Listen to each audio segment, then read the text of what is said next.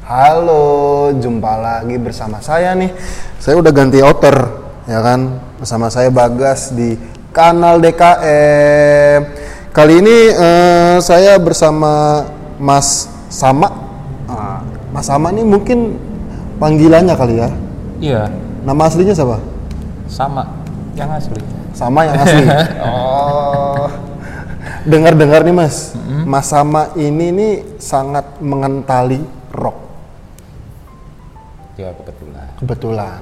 Berarti saya Bagian dari pekerjaan juga. pekerjaan juga. Oh berarti saya uh, edit ya. Dengar-dengar kebetulan Mas Sama ini di rock. Di rock di, di batu berarti ya. saya edit kata-katanya Oke. kan. Pekerjaan. Kenapa pekerjaan? Apa dari muda atau nggak sengaja? ya dulu kalau sukanya musik ya, ya awalnya kenal rock sih.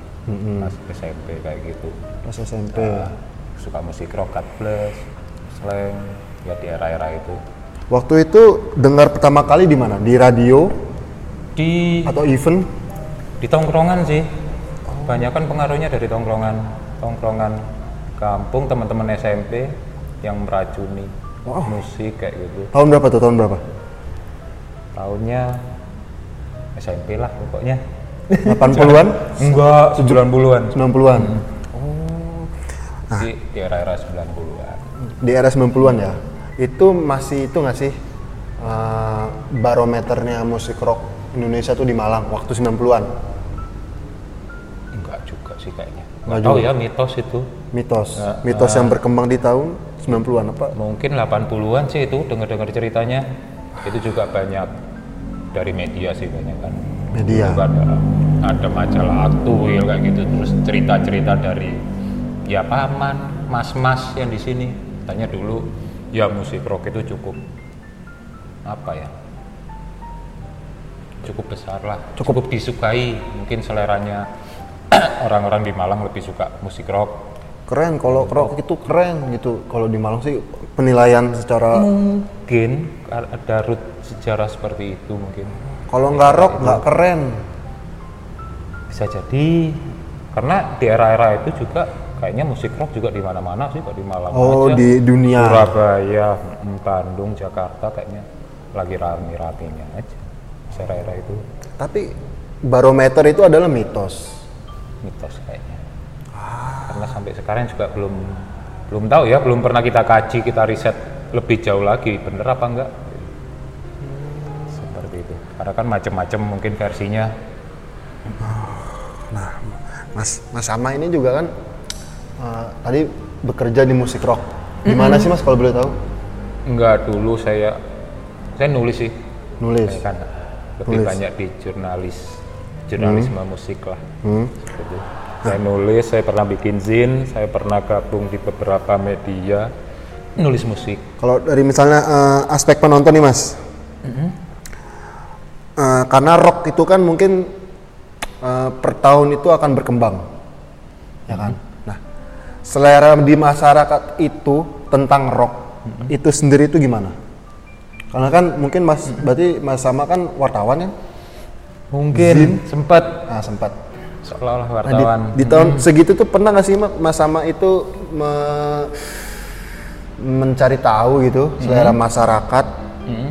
eh, Malang lah khususnya musik rock itu gimana? musik rock tergantung konteks ya Iya iya iya. saya mungkin ngalami di era 90-an dulu itu era-eranya slang Oke. One Palace Oke mulai zaman-zaman ya akhir-akhir orde baru kayak gitu kan. Oke oke. Waktu itu sebelum reformasi sampai ke masa-masa reformasi. Kemudian konteksnya juga mulai banyak band-band independen Oke. band-band scene underground. Oke. Heeh, kan era-era pas band kayak gitu. Mungkin iya, dari iya. Bandung dari Jakarta itu kan banyak. Era-era pas band bukan dan lain-lain. Di Malang juga seperti itu sih. Konten-kontennya karena ada musik apa ya musik keras lah yang mungkin waktu itu jadi setkiss ya atau semangat zamannya di era itu. Buat anak-anak muda terutama. Dia Berarti- suka musik yang lebih keras karena Ah, kesannya memberontak Cool. melawan iya cool. Kan didorong sama ya mungkin suasananya repres agak represif ya. Iya, mungkin dari nggak tahu dari negara dari sekolah Iya, atau dari keluarga. Jadi mereka butuh pelampiasannya mungkin salah satu genre musik yang cocok pas itu ya musik rock atau musik cadas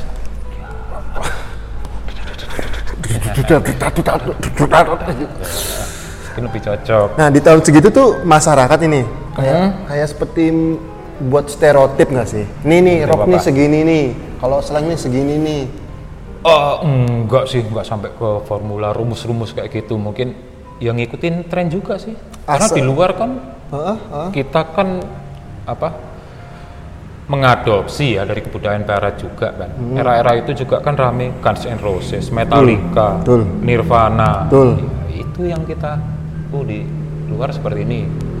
Mungkin kan media yang banyak meracuni ya katakan seperti itu. Ada majalah Hai pada saat itu, ada MTV, akhirnya musik-musik itu ya, musik alternatif, alternatif rock, grunge, itu sih. Asal- itu kan berkembang sesuai tren. Asal pelampiasan, berarti ini rock. Sesuai. Hmm. Jogetnya asik nih. Jogetnya asik, dangdut dong itu. Melayu.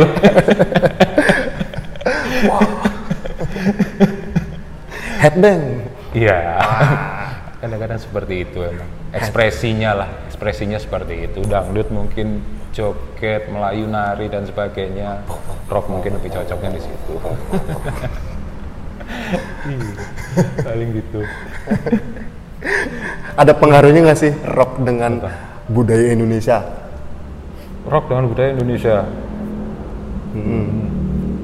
Dengan rasa rasa rasa Indonesia lah gitulah.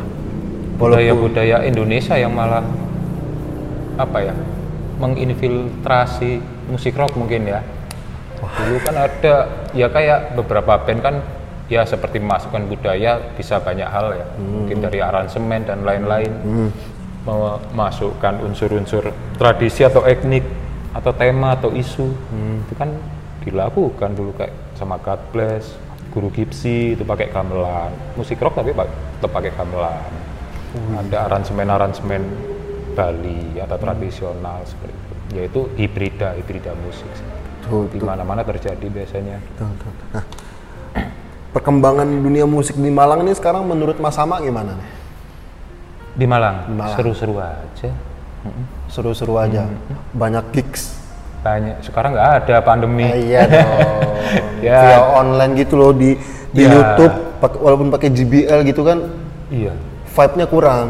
Mm-mm, paling live session ya Bertukar sentuh tuh itu kurang, nggak enak. betul Gimana itu jadinya tuh? Aduh.